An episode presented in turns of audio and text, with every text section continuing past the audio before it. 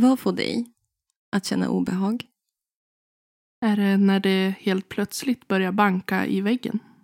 Eller är det när du ser att någonting rör sig i väggen och du tittar ut och ser att den täta dimman kryper sakta närmare.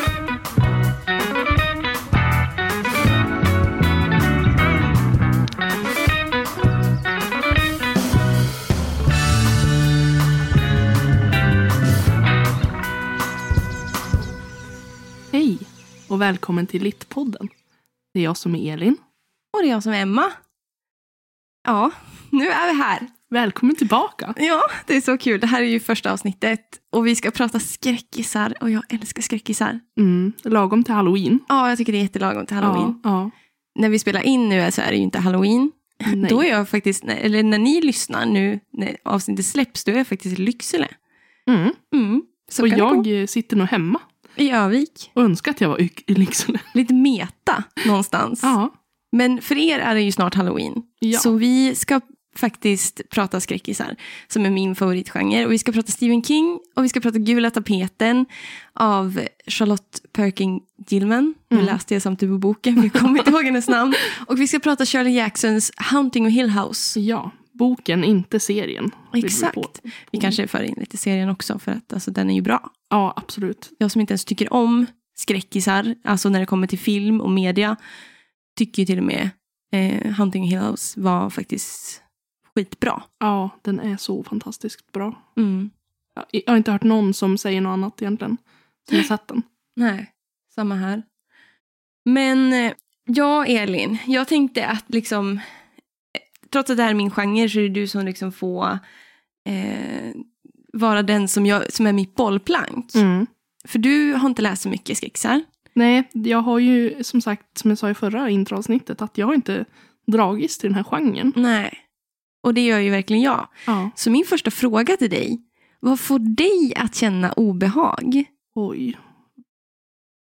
Eh, Alltså nu tänker jag till böcker. Mm. Alltså typ när du läser, vad, vad är obehagligt? Alltså, i böcker, om det, så här, det lilla jag har läst, det är just även det obehaget som jag tycker själv utanför boken också. Det är just ensamhet Mm. och mörker. Mm. Eh, Gärna de två kombinerat med varandra. Okej, Tycker jag är, det får mig att känna fruktansvärt obehag. du är lite mörkrädd. Oh ja, jag är jättemörkrädd. Är du Eh, klaustrofobisk också? Nej, nej, inte klaustrofobisk. Jag skulle nog bara säga att jag är Eller mörkrädd. har du klaustrofobi? Nej. Nej, Nej. utan det är liksom mera... Jag tror att det är mer tvärtom. Att jag tycker att det är obehagligt i mörker och på stora ytor. Mhm. Att drö- mardrömmen skulle ju vara om man typ var i en skog i, på natten helt Ja. själv. Okej. Shit. Usch, jag ryser när jag tänker på det. jag har ju vuxit upp så. Eh, alltså i skogen, mitt ute i skogen. Eh, stor skog, mörkt, väldigt mörkt. Ja, men det har jag också. Men det är bara det att just det där att vara själv. Det hade ju inte gjort någonting om vi Mm. var fler. Mm. Men just att vara själv i mörker Mm. på en stor yta där du Mm. liksom inte kan du kan inte se allting som händer, Mm. du hör inte allting som händer. Mm. Ja. Nej, jag tycker inte det är läskigt. Jag tycker det är lite spännande. Men jag är också lite knäpp. Mm. Alltså ja, det är få saker jag tycker är läskigt. Jag tycker det här är läskigt med podden. det tycker jag är skitläskigt, men också skitkul. Du bara, jag står hellre framför It-clownen. Ja, men alltså på riktigt. Faktiskt. Stephen Kings It-clown är inte... Ja, ifall han förvandlar sig till en orm för att jag har ormfobi. Mm. Mm. Då skulle jag vara rädd. Men jag är, det är få saker jag är rädd för. Alltså. Ja. ja, men det är inte, det är inte fy skam. Ja, det är, man blir ju lite dum, dock. Lite dum. Ja, men alltså att man, man gör dumdristiga saker. För Ja, att man inte alltså- är rädd för saker. Jag tänker att det handlar om att man är man rädd så är man också försiktig. Man tänker efter. Mm. Ja, det kan ju vara sant. Eh, Men rädslor kan ju också vara väldigt obefogade. Alltså, ibland Ja. har det ju inte att göra med att det ska hålla oss tillbaka från någonting. Utan Mm. det kan ju vara irrationella obehag. Ja, Typ- det är sant. Alltså, jag har ju aldrig någonsin blivit biten av en orm, så jag vet inte varför jag hatar dem egentligen. Nej, och vi har ju inte gift, alltså vi har ju huggormar, hugg, huggormar i Ja. Sverige. Ja. Eh, Svårt att säga. Ja. Men det är ju inte egentligen fara för våra liv. Nej. Inte för de flesta av oss i alla fall. Vissa ju, har ju allergier. Mm. Men det är värre att bo på ett, i ett land där det kanske finns... eh, Ja, fy fan. Jag var i Tanzania, livrädd hela tiden. Mm, Nej, men alltså nej. Fobier åt sidan. Så Ja. är det ju här lite spännande vad vi är rädd för, eftersom vi är rädd för olika saker. ja. För det, det drar ju oss till nästa, min nästa fråga. Och det är väl typ en fråga till oss båda. Och till er där ute som lyssnar. Vad vill vi ha då i en skräckis? Eftersom man har så olika nöjen tänkte jag säga. Mm. Kul att vara rädd. Nej, men att man har olika preferenser kanske för vad som ger en obehag. Ja, jo, för vissa är det väl kanske mer det här äh, blodiga... eh, Ja, slatterfilmer ja, hör ju precis. gillar. Eller det här liksom våldsamma i böcker. Medan för andra kanske är mer det här psykologiska. Mm, Att jag vill ha jump Mm. scares, jag vill ha eh, sakta men smygande Mm. liksom plot twist. Mm. Alltså jag tycker inte om jump scares. Jag tycker absolut inte om, alltså typ, inte vet jag, Nightmare on Elm Street-filmen är väl nice. Det är inte så mycket jump scares där, men det är för att det är en gammal film. Mm. Men jag vill ju ha obehaget ständigt. Mm. Alltså jag vill inte bli överraskad i en bok och så plötsligt så här, åh så hände det. Mm. Eller åh så blev en kniv huggen, åh så var det, eller något sånt. Utan jag vill ha delvis det psykologiska. Och så vill jag liksom att det ska byggas upp ett obehag. Att du vet den här känslan när man tänker att går du dit så kommer det braka rakt åt helvete. Mm. Hela skiten. Då är det kört liksom. Det vill jag ha.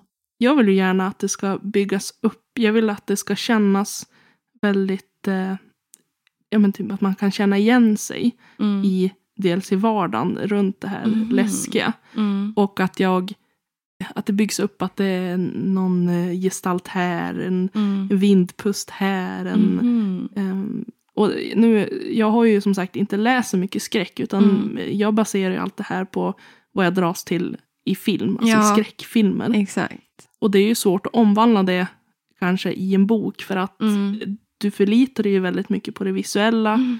och på musik, alltså stämningsmusik, den här mörka, Och jag, analkande. eh, ja, precis. Det här typ hajen. Dun, dun, Ja dun, men dun. typ. Eh, hur går det? Ja. Dudum, dudum, dum, dum, dum, dum, dum. Ja men exakt. precis. Alltså det, det är ju så fantastiskt. Det är ett Mm. fantastiskt sätt att bygga upp någonting på. Mm. Men jag det- tror att det är därför jag inte, alltså jag är jättekräsen när det kommer till filmmusik. Mm. Mycket för att jag själv är, har varit musiker. Men jag dras ju bara till skräckböcker. Alltså jag dras ju inte till skräckserier eller skräckfilmer för att jag, jag stänger av ljudet på dem. Mm. Inte för att jag blir rädd för att ljudet är där, bara för att jag tycker att det stör. För jag vill vara med. Mm. Jag vill sätta min egen musik i huvudet. typ. Eller typ, jag vill kunna känna att jag tänker de här Mm. tankarna. Jag känner de här känslorna. Det får man inte i en film. Nej, och som sagt, där är vi ju väldigt olika. Mm. Återigen, att eh, för mig är det liksom viktigt det här att det, att det finns någonting som kanske, det kanske också är mer för min egen skull, att jag vill vara beredd. Mm. Att jag gillar jump scares, Mm. men det får gärna liksom börja så att man vet att okej, Mm. nu kan det hända någonting. Mm. Så vad får er att känna obehag är ju kanske våran tanke någonstans. Mm. Att det är ju väldigt spännande att få veta. När Mm. efter, vi, efter det här avsnittet får ni gärna skriva liksom, vad är obehagligt. Ja. Vad Är ni en filmskräckare? Eller en bokskräckare? Eller, vad gillar ni liksom, när det kommer till skräckisar? Ja. Vad får er att känna obehag mest? Böcker eller film eller både och kanske? Ni får gärna skriva också vilken er favoritskräckbok. Ja, eran- jättegärna. Ja, det hade varit jätteintressant. Ja, jag vill åh, så gärna göra, och vi vill ha höra. tips på både böcker och filmer. Att- filmen skiter jag i. Nej, men jag vill ha den. Okej. Ge mig. Gör det till Elin, skriv till. Elin direkt. Ja, så, skicka DM. DMa mig. Eller skicka på Facebook. Ja. Går ju också. Ja. Någonstans Men- skicka brevduva. Jag bryr mig inte, bara skicka en skräckfilm. Ska vi, ska vi gå vidare till Ja. böckerna? Vi går vidare.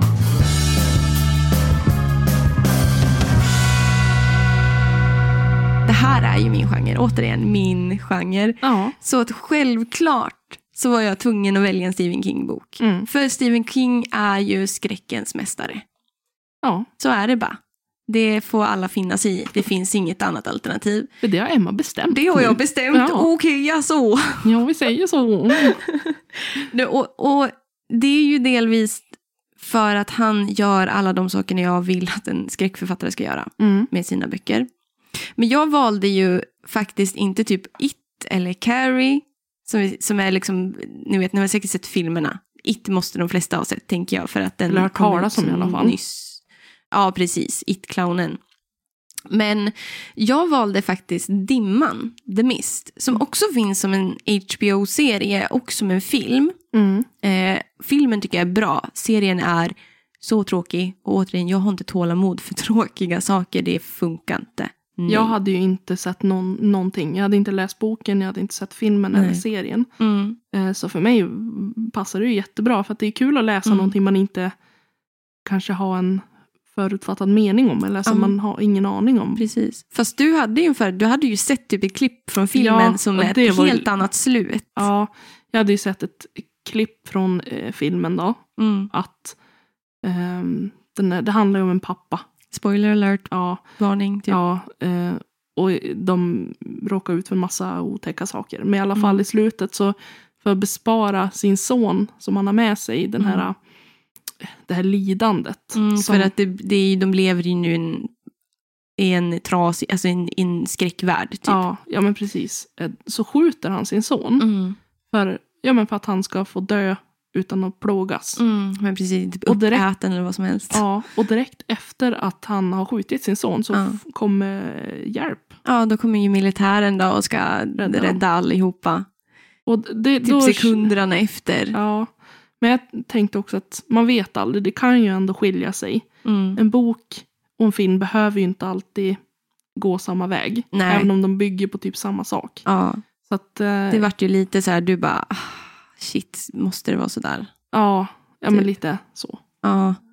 Men eh, Dimman är ju väldigt, alltså boken Dimman då, den är ju väldigt tunn bok tycker jag. Mm. Jag är ju en sån som läser feta böcker Mm. som attans. Eh, men vi har ju valt väldigt två tunna böcker då. Eh, och Dimman handlar ju då om en eh, kille som heter David som eh, bor i ett, ett ställe, en liten, liten by eller liten stad. Och han och hans son åker in tillsammans med en granne till ett köpcentrum typ, eller till en mataffär. Tänker typ Willys. Ja. De åker till Willys. och han registrerar så här i början att och den där dimman som kommer över vattnet, det ser inte riktigt nice ut. Och han, har så här, han pratar om att han har lite ont i magen, alltså typ att han har en dålig känsla i magen. Mm. ja, det byggs ju verkligen upp. Ja. Den här dimman kommer ju att leda till någonting. Ja, och den är ju väldigt centrerad på en gång. Alltså, alltså dimman är, registreras ju i första sidorna tror jag. Alltså då tittar ju både sonen och hans fru och, och han liksom att det där dimman, dimman, dimman. Så att man fattar ju på en, man slängs in väldigt fort i att det här, det kommer, alltså händelsen kommer handla om en dimma. Mm. Typ. Ja, men också eh, föranledde det innan de hamnade i den här matvarubutiken. Mm. Så var det ju en stor storm också. Mm. Eh, Så att de, de trodde ju att det berodde på eh, jag menar, någon natur... Ja men typ naturkatastrof. Fast, ja. Eller att det berodde på, för de pratade om något militärprojekt. Mm. Nu kommer jag inte ihåg vad det heter, projektet. Eh, heja mig.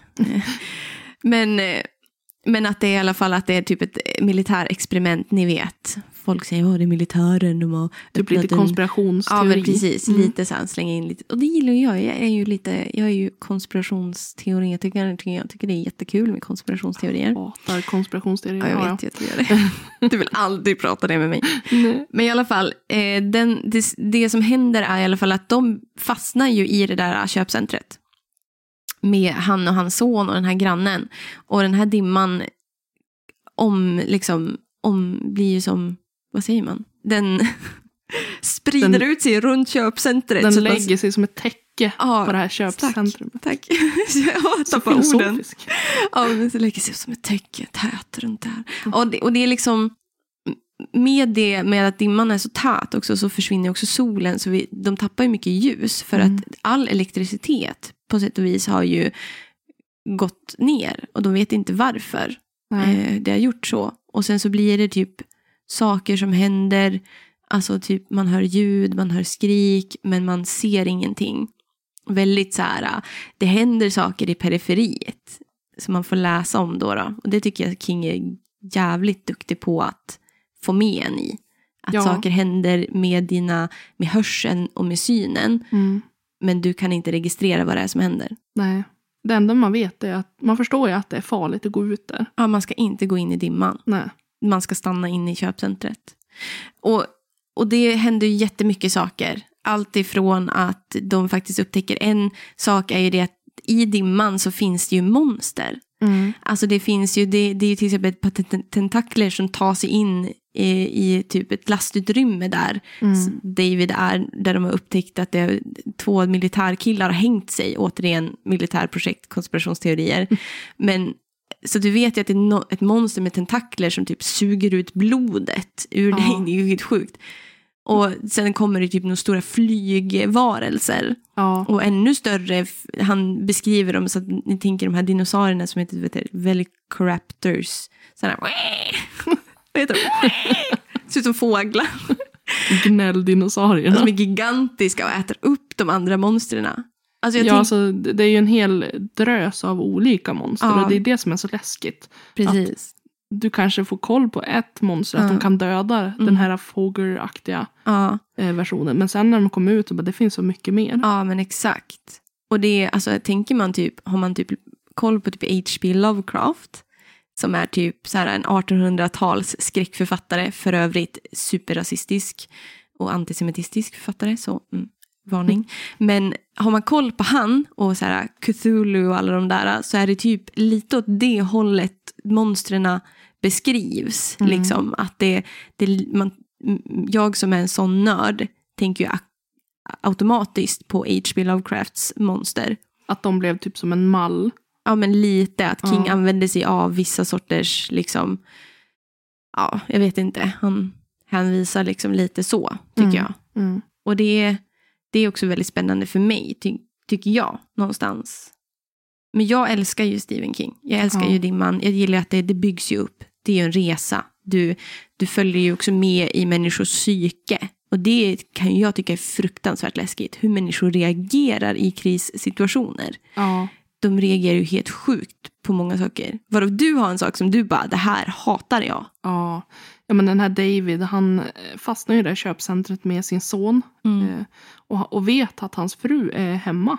Mm. Och hjälplös. Och att hon förmodligen har råkat väldigt illa ut. Ja, fast han säger ju att det var sista gången jag såg henne typ i början av boken. Jo, så man kan ju anta att hon är död. Ja, eh, det, det är ju liksom också så här, han går fram och tillbaka i, i tid känns det som. Mm.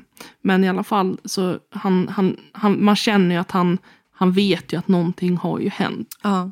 Men ändå så går han och ligger med en annan tjej i det köpcentrumet. Ja. Och jag förstår det här med chock.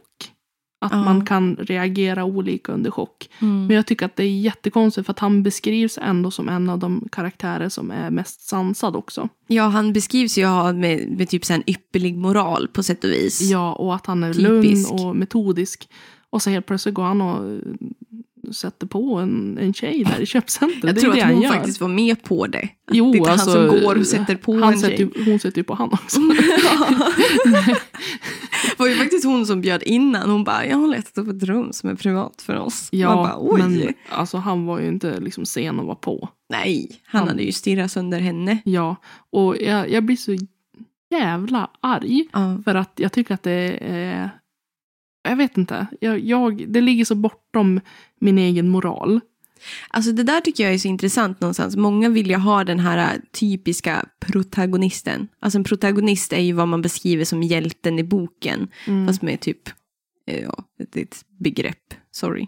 Men, men man vill ju ha den här som är, den ska ha supermoral och supervärdering, den ska vara supermodig. Alltså det är nästan lite omänskligt. Och det Ja. har aldrig King i någon av sina böcker. Utan alla hans karaktärer är väldigt, väldigt mänskliga någonstans. Och även fast jag kan ju tycka att David behåller sin moral, men samtidigt det här steget att gå utanför den moralen gör han också väldigt relaterbar, tycker jag. Mm. Men jag gillar han inte för det. Nej. Du behöver inte tycka om David. Jag Han tycker nog David. inte om dig heller. Nej, jag det tror inte jag heller. För att, eh, Det Han är en funka. cry baby. Nej. Nej. Nej, det är han inte. Nej, det är han inte. Det var ju bara dum. Men ja, ja, det, men det är mycket annat där i köpcentret som händer som jag mer kan förstå. Mm. Att folk super sig full, Mm. att folk eh, får panik, att Mm. eh, det är till och med den här äldre damen börjar rekrytera. men gud, de, de blir ju en sektledare. Ja men precis, och, och jag förstår att man kanske dras till eh, de extrema, Mm. i de här extrema förhållandena. Ja, men precis. Eh, men det är bara, nej. Alltså, vi behöver bara tänka på hur vi har reagerat nu under coronapandemin. Ja. Att man, det kanske inte är så att man direkt så här, ruckar jättemycket på sin moral. Men alltså vad som händer i en kris, hur människor reagerar är ju väldigt, väldigt intressant. Och Mm. jag tycker att King gör det förbannat bra i den här boken med att beskriva hur människor faktiskt kan reagera. Ja, alltså jag, jag tycker att King skriver på ett väldigt bra sätt. Och jag tror att jag måste ändå läsa mer av honom för Ja. att på något vis uppskatta hans eh, skrivstil. Ja, Men, jag eh, med. men eh, jag Mm. tänker att du gillar säkert inte alla böcker Stephen King har släppt heller. Jag har faktiskt inte läst en bok än som jag inte tyckte... Alltså i och för sig Sa- Salems lott som handlar typ om vampyrer. Alltså den är nice. Men den är ju traditionell så att den var ju rätt så trög från början. Men jag tycker om den. Mm. Så att jag har... Jag kan nog inte säga att jag inte hittat någon som jag inte tycker om. Men jag har inte läst alla böcker Nej. av han än. Nej, och jag menar, jag, om jag ger några av hans böcker ett försök så kanske jag hittar en bok som jag älskar. The Dark Tower. Jag skojar. Nej, jag skojar. jag försöker bara tvinga på mig The Dark Tower. Alltså gud, jag tvingar på dig så mycket böcker nu. Men det är bra. Ja, vi ska ju försöka vidga våra vyer. Ja. Du har dock inte tvingat på någon bok på mig än. Jag sa ju det förra gången, Fjärilsvägen, Patrik Lundberg. Ja, det glömde jag. Du har bara förträngt det. Ja, Det är Ja. inga, inga monster i den. Nej. Det är liksom inget... Vad är det för spännande i den då? Men det där är ju också spännande för vi fastnade ju väldigt mycket i våra diskussioner kring det här med hopp och lyckliga slut. Mm. För du sa ju det i förra avsnittet också att du vill att det ska kännas bra efteråt. Ja. Jag vill känna eh, att... eh, Ja, men jag vill känna mig varm och gosig invärtes. Ja, men precis. Och jag skiter fullständigt i det. Alltså jag vill, alltså helt ärligt, de böckerna, alltså det är ju trevligt med goa och glada slut, men då ska det vara lite humor i det tycker jag. Men alltså jag är helt fine ifall de slutar tragiskt, när man mår lite skit efteråt. Gud, För då stannar hemskt. boken kvar. Det värsta jag kan tänka mig att jag mår skit efter jag har läst. Men alltså det är ju hopp i den här boken. Hela alltså det slutar ju på den på ett lite så här dura-ackord eller vad man ska säga. Alltså den slutar ju liksom med ändå att det finns ett hopp. Alltså det Mm. borde ju räcka tycker jag. Ja, jag är ju mer tvärtom. Jag känner mig, alltså jag, jag kände redan typ från början att det här, här har inget hopp alls. Jag liksom hade inga tvivel alls om att det här skulle sluta på ett dåligt sätt. Även om jag liksom hade sett den här filmsekvensen så kände jag liksom att alla kommer dö. Det Mm. finns ingen som kommer klara sig. Men någon måste ju dö, annars är det ju ingen bra bok. Ja, men någon. Men nu kände jag liksom att hela världen kommer ödeläggas. Och så kommer jag sitta där på sista eh, sidan och bara... Jaha, Ja, vad ska jag göra av alla mina ångestkänslor nu? så du vill inte ha hopp, du vill, du vill ha ett lyckligt slut. Det är Ja. vad du vill ha. Ja, jag vill att alla ska komma hem. Ja, förutom så här, typ hon den här tanten som sektledaren. Hon hade kunnat fått dö och det gjorde hon ju. Men ja, de jag tyckte om hade väl fått kunna leva liksom. Alltså jag, alltså jag vill att de så här, som man tycker om ska dö. Jag tyckte det var asnice när alltså, att frun dog. typ. Alltså för att jag vet inte, jag, jag, jag tycker att det krävs. Någonstans för att jag ska känna, känna det här obehaget att ingen är säker. Det låter så fruktansvärt psykotiskt. Man, jag vill att alla som jag tycker om ska dö. Åh gud, jag är kanske lite psykopatisk av mig. Jag är lite rädd att sitta Ja, men i samma alltså, jag rum. kan, alltså vet du bara, typ, nu vet jag inte om jag bara säger det för att jag säger det, men i bästa av världar någonstans, i bästa bokvärldar, så kan jag nästan tycka att det är skittrevligt om alla goda dör och alla onda överlever. För bara det perspektivet. Ja, jag måste leda in dig på rätt väg. Ja, jag måste men få du- dig att se, se det roliga i att läsa lyckliga böcker. Man Nej, men så alltså- bra. Ja, du får, väl, du får väl ta in mig i det nu. Mm. För att nu kanske vi ska gå över till gula tapeten. Mm. Som var andra boken vi läste. Mm.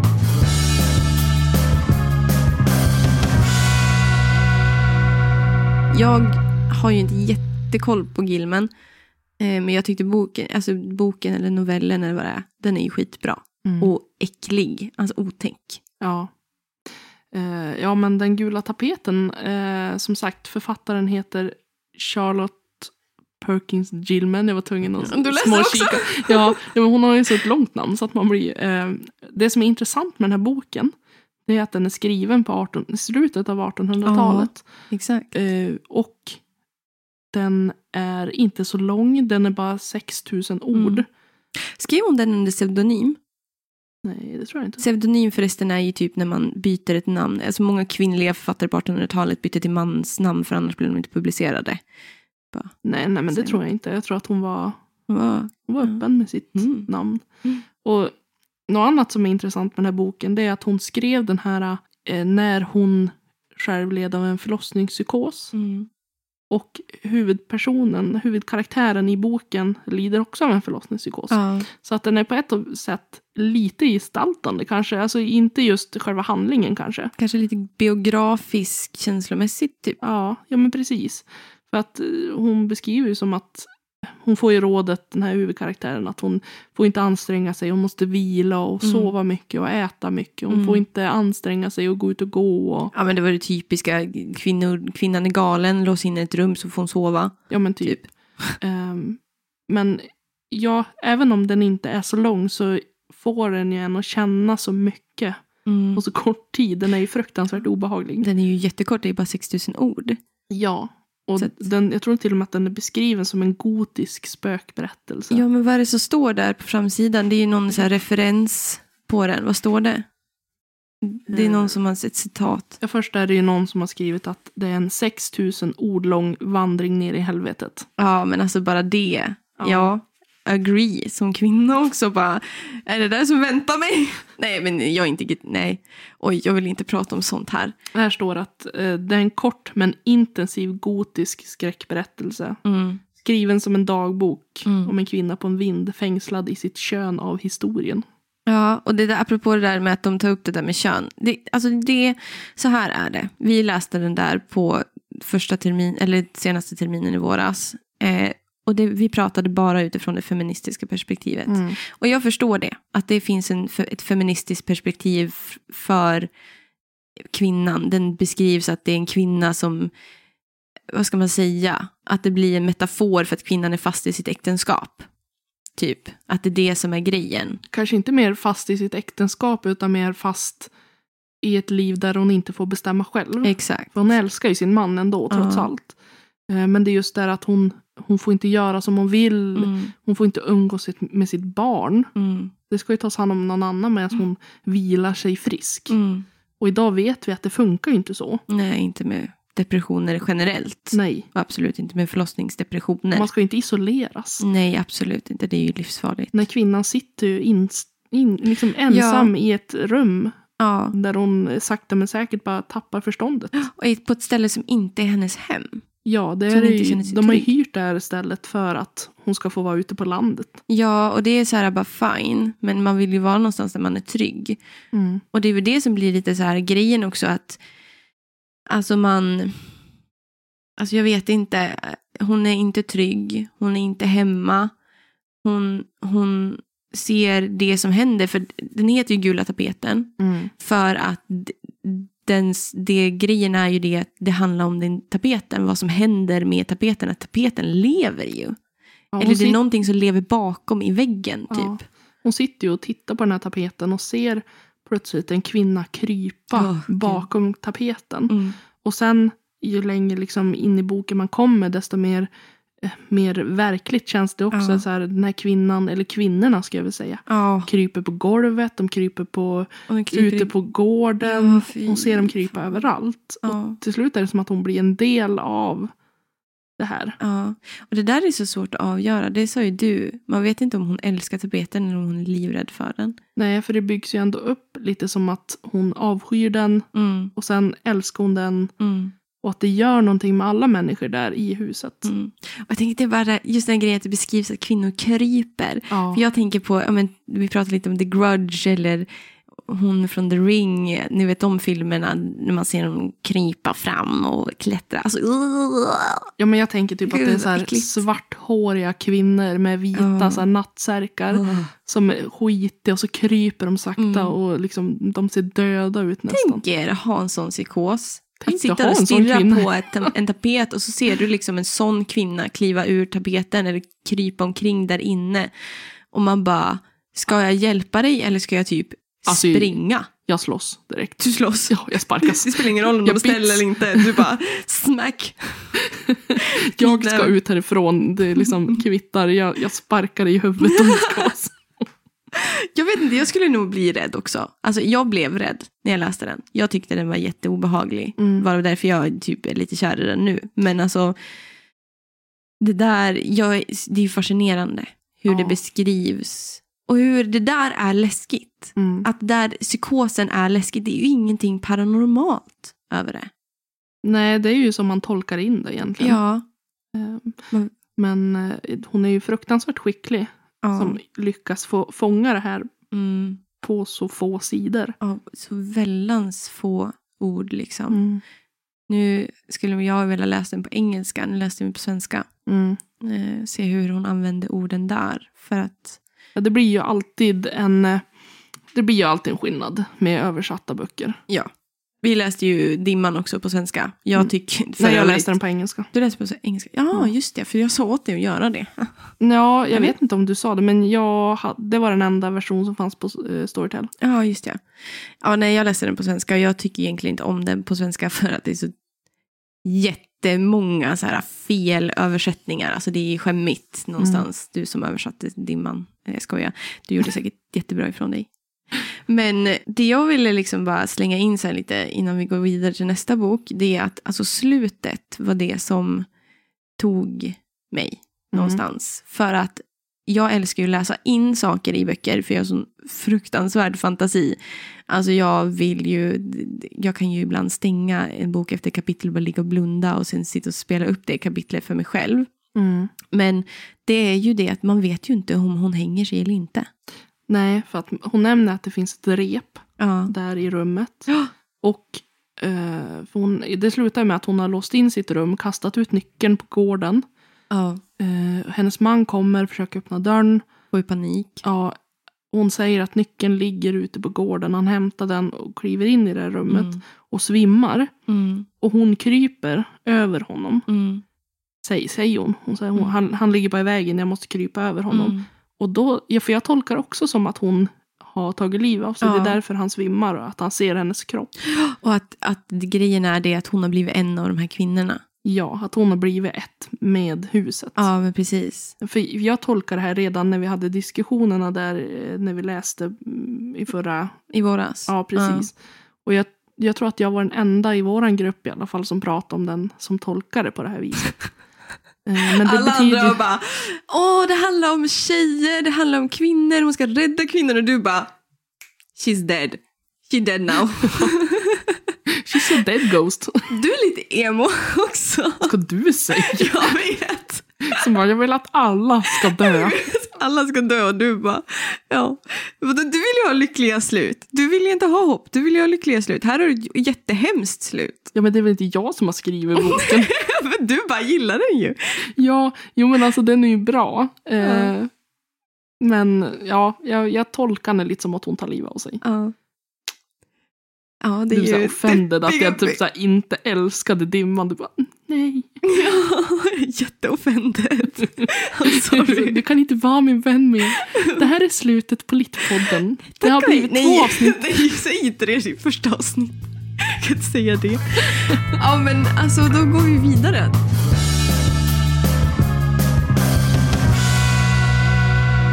Jag har aldrig läst den. Nej, Haunting of Hill House alltså. Exakt, vi har sett serien faktiskt. Ja. Märkligt nog. Ja, eh, jag vet inte hur pass mycket ni har hört om serien. Haunting of Hill House finns ju på Netflix och det blev en väldigt populär skräckserie Jag tror Ja. att det är tio avsnitt och, och, eller något sånt där. Ja, men om till och med jag har sett den så är den ju superpopulär. Liksom. ja, ja, men precis. Och jag visste inte att det fanns en bok som den serien var baserad på. Nej. Jag tittade på serien och bara, men gud, jag har sett den flera gånger till och med, serien. Jaha. Bara för att jag älskar den så mycket. Ja, okej. Och när jag fick höra att det fanns en bok Ja. så tänkte jag, jag måste läsa den. Eh, Jag bara måste. Och Mm. det blev ju väldigt bra i och med att vi då skulle läsa skräck. ja, Att det här exakt. temat är skräck. Precis. Och då kände jag att jag passar på. Ja, men kör. Och jag bara, nej. Jag vill inte. Orkar Men du har ju haft så mycket att göra också. Har Du har ju dels jobbat eh, halvtid medan du har pluggat och sådär. Jo. Så att, eh, man kan inte begära att vi alltid ska ha tid att läsa tre böcker. Nej. Båda två ska ha tid att läsa tre böcker. Jag vill ju läsa de an- andra böcker också. Alltså Ja. det här är jättekul att läsa flera böcker, men jag, vill ju, jag har ju så många böcker att läsa. Det är så många. Jag köpte en ny bokhylla idag. Ja, Så mycket böcker har jag att läsa. ja, men, men om vi går vidare till Hunting Hill House, så du valde ju den då, som du säger då, för Ja. att du vart bara intresserad, för du visste inte att det fanns. Jag visste inte heller att den fanns som bok, vilket är sjukt, för att hon skrev den där på 60-talet, och den är ju superkänd.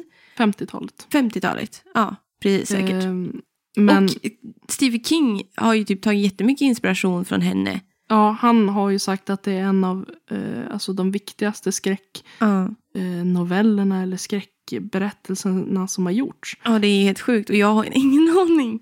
Så nörd var jag. Ja, det är så nördig var jag i skräckisar och sådana saker. Ja. Men alltså, Men det, det jag hittade i alla fall, för boken skiljer sig väldigt mycket från serien. mm, Det är ju det enda som egentligen eh, är samma, eller ska man, Ja. vad, ska man, vad man ska säga, det är ju namnen. Att Ja. det namn som finns i boken Mm. återkommer i serien. ja men okej. Men det jag har hittat, som vi har pratat mycket om och som jag tycker är Gud. Nu ska, vi, jätteintressant. nu, ska vi göra, nu ska Emma göra sin lilla... Vi ska prata om intertextualitet. Intertextualitet. Intertextualitet. Eh, Inte. inte allitteration. Inte allitteration. Grejen är det, intertextual, det, här, det här är ju varför det är så skämmigt för mig. För jag skrev en hel uppsats om det här i våras, om intertextualitet. Mm. Eh, och säger ju så fel i första vårt introavsnitt. Grejen är att allusion är som All- en, allusion Ja, är ju en sub, alltså gren av intertextualitet. Mm. Eh, allusion och allitteration låter ju väldigt likt. Men Mm. det är inte alls samma sak. Nej, och jag menar, jag tror att de som lyssnar också förstår att vi är inte mer än människor. Åh, Vi Gud. kan göra fel. Jag kan tänka att det är bra någonstans för att vi vill också bara Okej, vi är litteraturvetare, jag är ämneslärare, det betyder inte att vi har all kunskap i världen. Så alltså på riktigt, ta allt jag säger med en nypa salt för att jag snackar så jävla mycket skit. Så förbannat mycket skit kan jag snacka. Bara därför vi sitter här. Ja, Men du ville prata om intertextualiteten i Hunting of Hill House Ja, som du har hittat. för att eh, i och med att vi har läst Den gula tapeten Ja, och hade den väldigt färskt i minnet ja, så hittade jag bara, men gud, det är så mycket i Haunting of Hill House som jag påminner. känner kommer från den gula tapeten. Okej. Eller ja, som påminner om. eh, bland annat, eh, det är inte bara det här att det här gamla herrgården som ligger lite avsides med murar Ja. och sånt där. För det är ju ganska vanligt i många Ja, skräckberättelser. att huset får stå i centrum och Ja, mycket. Mm. Men huvudkaraktären i Haunting of Hill House heter Eleanor. Mm. Blir kallad för Nelly. Ja, I den gula tapeten ja, är ju huvudkaraktären är ju namnlös. ja. Och det är ju bara några karaktärer som har namn. Mm. Men det är en karaktär i den gula tapeten som däremot inte tar så mycket plats. Nej. Men hen, hon får man veta heter Nelly. Ja. Eh, Vilket jag, alltså när du berättade det för mig, eftersom jag också låtsas att jag har någon sorts större kunskap när det kommer till intertextualitet, vilket det finns bevis för att jag inte har, så säger jag nej, jag tycker inte att den fyller kraven för intertextualitet. Alltså Nej. det ska vara en tyd, för mig en tydlig hänvisning ja. någonstans. Men då kommer vi till det nu. Ja, för att du började, du vart ju lite så här tvär. Du Ja. bara, ja men nu, nu är du Emma. Oj, jag knäppte med fingrarna. men nu, nu ska du få, nu ska jag bevisa för dig. Nu du, sätt dig ner. Jag sitter. Eh, nej men det som var så kul i och med att den gula tapeten handlar om en tapet. Mm.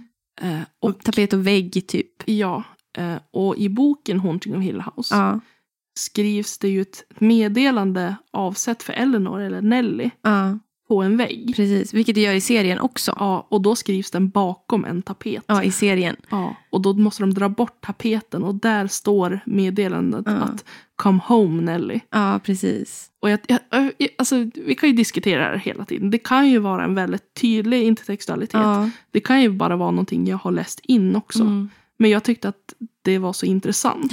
För att det vore ju inte så jättekonstigt om den gula tapeten som är skriven på slutet av 1800-talet Mm. kanske påverkade eh, Shirley Jackson när Mm. hon skrev Haunting of Hill House. Mm. Ja, det, jag vet inte. Alltså jag, jag ser det som en, typ, en, en väldigt så här, en lite diffus intertextualitet. Jag upprepar vad intertextualitet är. Det är en tydlig hänvisning, nej inte tydlig, det är en hänvisning eller en refererande till ett annat verk. Mm. Du smetar in lite där, du vet, det Ja. andra verket i det ena verket. Det är Så. roligt när vi säger smetar in. Mm, smetar in. Blaffar in det där. Bla, bla, det var bättre, blaffa in. Det var jättefult. Du blaffade in det där. blaffa in lite där från det där verket där. Ja, skitbra. Ja, men, så att jag kan vara lite så här, jag, jag är, men jag är också väldigt tvär av mig. Jag Ja. är väldigt svart och vit när det kommer till vissa saker, när det, kom, när det kommer till böcker. Men då kan vi ju ställa för, alltså, vi kan ju öppna upp frågan och ställa den till de som lyssnar. Att Ja, om men- ni har läst Den gula tapeten Ja. och om ni har läst Haunting of Hill House eller om ni har sett serien. Mm. Kan ni se det här? Håller ni med mig att det kan finnas en... Inspiration från den Ja. ena. Jag har ju, jag hade ju tänkt att googla men jag har inte satt mig in så jätteintensivt. Jag läste Ja. några forum att folk har jämfört de båda verken Jag- och ser saker. Jag googlade ju snabbt på Book Riot som är min favoritsida när det kommer till typ litteraturanalyser. Mm. Och där gjorde de ju en sån jämförelse lite att ja, men de fokuserar på att det finns ju ett kapitel i, i Haunting of Hill House som har en text skriven på väggen ett fokus på väggarna. Att väggarna lever precis som i gula tapeten. Ja. Och det, där kan jag typ se en sorts intertextualitet eller allusion eller refererande till eh, Gilman, alltså till gula tapeten. ja. Jo, för att i båda böckerna så är ju huset det som är läskigt. Ja, Det är, ju kanske inte lever. spökena i sig utan det Mm. känns som att husen lever på ett vis. Exakt. Att utgår ifrån huset. Ja. Tar du dig ifrån huset så överlever du typ. Ja men typ. Så spring, spring. Run! Ser du att det är någonting som rör sig bakom tapeten, fucking spring. Ta Eller inte bara reda sparka på om dem i det. huvudet som sparkar dem i huvudet som... Gör som Emma, spring. Eller gör som Elin, sparkar med huvudet. Ni väljer själv. Men det är också så här... äh, Alltså det kommer ju till vår sista liksom, grej ändå. Nu när vi har hållit på med de här skräckisböckerna. Liksom, Mm. Om du är en sån som läser böcker eller inte läser böcker, vad är det som gör en skräckis? Vad skulle få dig att, liksom, du som lyssnar, att faktiskt läsa en skräckis? Vad vill du ha i en skräckis?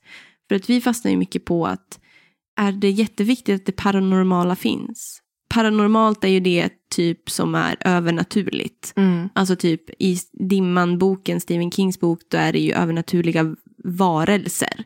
Mm. Eller är det spöken som är Hunting Hill House? Eller är det det att en tapet lever?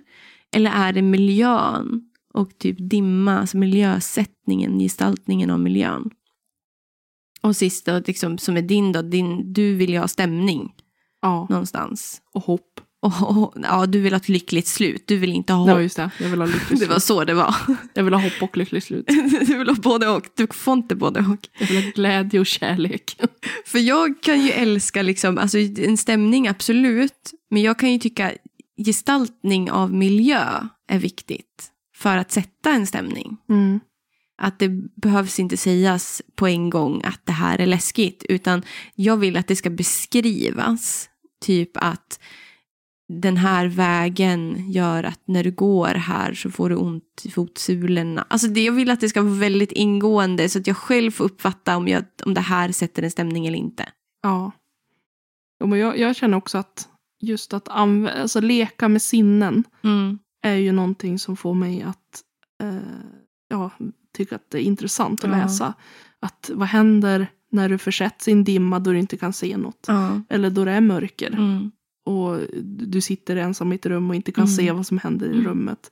Eller i Haunting of Hill House, det Mm. börjar banka på väggarna och det är Mm. det enda du hör. Det är så det är så höga ljud. Ja. Nej, men det är så höga ljud att Ja. du kan typ inte höra någonting annat. Nej. Och sen blir det bara tvärtyst.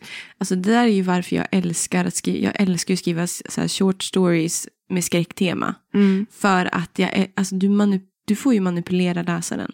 Du Mm. bestämmer som författare vad du vill att läsaren lite ska känna.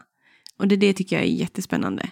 Alltså Mm. typ just att bara, jag ska få dig att känna skräck. Jag ska jag höll på att citera T.S. Eliot igen. Jag måste, jag måste, det är över.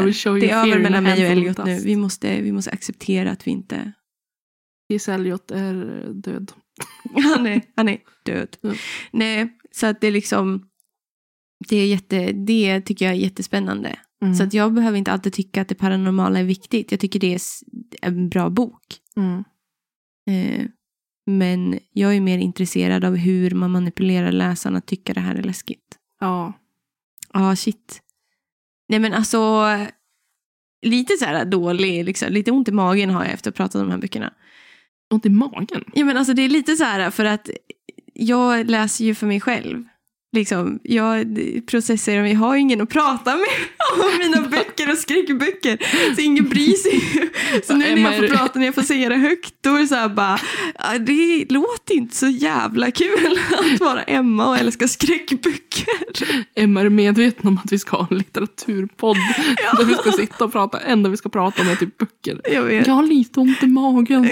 Ont i magen. Nej men det är ju bara för att det här är obehagliga böcker. Ja. Dimman och gula tapeten. ja. Men jag, om, om folk tycker att det här var roligt att vi pratar om skräckisar, Mm. då återkommer jag gärna till det här temat någon annan gång. Är det så? Ja. Gud, alltså, åh. Då, då, åh vad vi ska, då ska jag leta fram den bästa, absolut bästa skräckboken. ja men jag är lite intresserad av att läsa Salem slott. Är du det? Ja. Det är inte jag. Jag kan ju Nej, faktiskt läsa lite- den själv utan alltså, till podden. Vi kan ju ta något annat till podden. Men jag Ja. tror att jag kommer läsa Salem slott. Ja, du får ta med den hem nu idag. Helt Tack. enkelt. Få låna den av mig. Om Nice. du hinner. Nej men, eh, så det var liksom lite det vi hade. Ja. Vi vill jättegärna ha typ lite feedback på hur ni gillar upplägget. Mm. Kan förstå att det är hoppigt nu från början. Men vi har ju jättekul. ja, och vi, trä, alltså, vi tränar ju på att bli bättre hela Ja. tiden. Vi har ju tagit till oss feedback från förra introavsnittet. Åh, ni är så snälla! Alltså va? Hur kan det komma sig att ingen hade någon sorts här, det här borde bli bättre? Ja, det enda, vi har ju liksom haft några, men det är ju väldigt Ja. snäll Ja, feedback. Det är inte någon som har... det var någon som sa att man hör inte alltid vad Emma säger och jag bara, japp, jag vet. För att jag typ hoppar, hoppar över ord, hoppar över meningar och så bara tystnar jag. Ja, men och, det var en, en kompis till mig som sa ja, jag har aldrig hört dig låta nervös. Bara, det är klart som fan att jag är nervös. Ja. Vi har ingen aning. vi kan inte sitta och räkna upp all feedback men Nej, nej, men jag tycker har, du låter väldigt så, säker. ni har varit så gulliga och Mm. vi har fått så mycket kommentarer och folk Ja. som har lyssnat och Ja. tyckt att det har varit bra så att vi vill säga igen tack. Ja, och ni som inte är sådana som läser böcker, Mm. alltså berätta så gärna vad ni vill ha. För att jag som lärare tycker det är väldigt intressant. Hur får jag folk som inte läser att läsa? Vad vill ni höra? Ska jag bara sitta och citera böckerna åt er? Mm. Typ. Vi är öppen för förslag. Jätteöppen. För det är faktiskt en fråga vi har fått också. Ja. Som kanske leder oss in lite på det här. Mm. Det är ju att hur kommer vårt upplägg vara? Hur Precis. ofta kommer vi att släppa avsnitt? Ja. Och det... Det, den frågan har jag fått också. Så Ja. bara, vadå ska ni läsa tre böcker till varje vecka? Och jag Ja. bara, haha. Så ah, nej. Men eh, vi tänker oss att vi ska släppa ett sånt här huvudavsnitt i månaden. Ja. Nu i alla fall. Ja. Vi får se hur det kan bli i framtiden. Just Men för vi förbehåller oss rätten att släppa något eh, mellanavsnitt Ja, också. och det känns kul. För tanken är att vi kanske ska ha lite intervjuer och sånt. Mm. Det känns roligt. Ja, men, men, Kanske gå in mer djup, djupare på tema kanske. eller Eh, genre ja. eller en specifik bok. Bara liksom kortare avsnitt Ja. däremellan.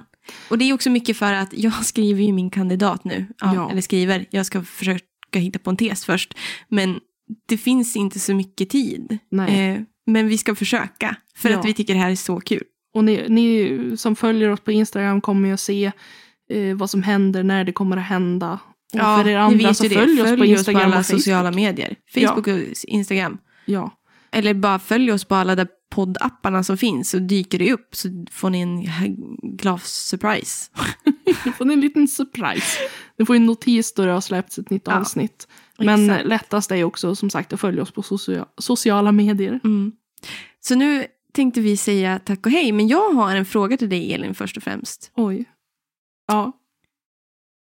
Vad för skräckbok skulle du vilja skriva? Vad för skräckbok jag skulle vilja skriva? Mm. Oj. Jag vet inte. Om du ska typ säga, men typ referera till en specifik bok du läst kanske. Nu har du inte läst så många skräckböcker. Eller film taskigt. då. Film. Referera till en film, att en sån film fast en bok skulle jag vilja skriva. Eh, Okej, eh, jag älskar ju typ eh, skräckfilmer Mm. med exorcism Ugh. och demonisk aktivitet. Ja, så det det skulle nog vara någonting bullshit. om sånt. Men det är väldigt svårt att gestalta kanske i en bok. eh, för det gör sig väldigt bra på film. Ja. Men eh, okej, en typ en, eh, en besatt. En besatthetsbok. En besatt bok. Ah, Ja, men en, en karaktär som blir besatt och man får följa den här inre kampen kanske. shit. Ja, det, det är nice. Det var Ja. bra Ja, sorts bok. ja. Super, superbra. Min, min kamp mot den här demonen som försöker ta över min kropp. Ja. Nice. D- ja, vad skulle du vilja skriva för skräckbok? Ja, jag kom på det att jag kommer ju få frågan tillbaka. Ja. Varsågod. Jag skriver ju mycket skräckprosa. Mm. Tycker, så det tycker jag är jättekul. Det är, det jag vill, det, det, det är vad jag vill skriva. Skräckprosa. Gärna också lite så här, alltså short stories, vandringssägen typ. Alltså vandringssägen är typ så en berättelse som förändras och återkommer från tid till tid. Liksom. Mm. Typ råttan i pizzan. Googla på den ni.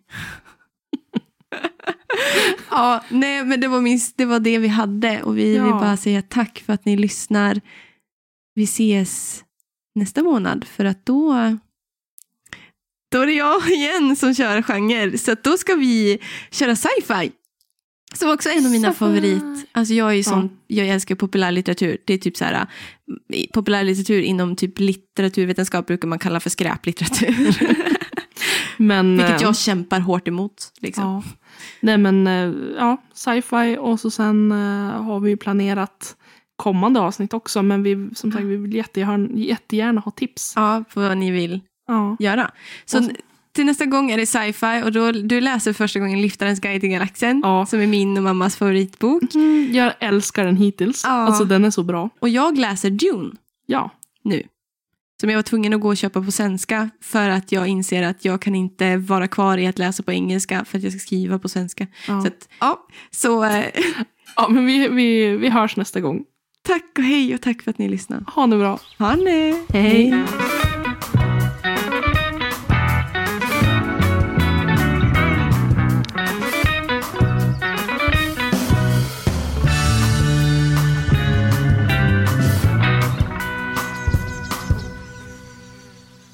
Okej hörni, alltså Liftarens guide till galaxen. Alltså det är inte bara en mycket märklig bok. Den har också haft alltså, faktiskt stora framgångar. Faktiskt blivit mer populär än den himmelska husmoderns Allt i allo. Mer såld än 53 tips för tyngdlösa. Och mer omdebatterad än Olon Kuloppadis trilogi av, ja, av filosofiska kvartersbomber som När Gud gjorde bort sig, ytterligare några av Guds klavertramp och Vem i hela friden är Gud? Eh, egentligen. Men, men i många av de mera avspända civilisationerna på galaxens yttersta östra kant har Liftarens guide redan ersatt den stora Encyclopedia Galactica som eh, standardverket när det gäller kunskap och, och visdom. Även om mycket är utelämnat och mycket är av tvivelaktigt värde eller i vilket fall uppåt väggarna fel. Har den nämligen två viktiga fördelar jämfört med det äldre och mer snusförnuftiga verket. För det första är den lite billigare. För det andra kan man läsa orden Ta det lugnt. Skrivna med stora vänliga bokstäver på omslaget. Men historien om denna fruktansvärda och dumma torsdag Historien om dess egendomliga konsekvenser och historien om hur dessa konsekvenser på ett oupplösligt sätt är förenade med denna märkliga bok börjar mycket stillsamt. Den börjar med ett hus Ni har lyssnat på Littpodden med Elin Oslin och mig, Emma Granholm. Musik och klipp av Magnus Kjellson och Robert Granholm. Management av Ida Berglund. Tack hörni för att ni har lyssnat.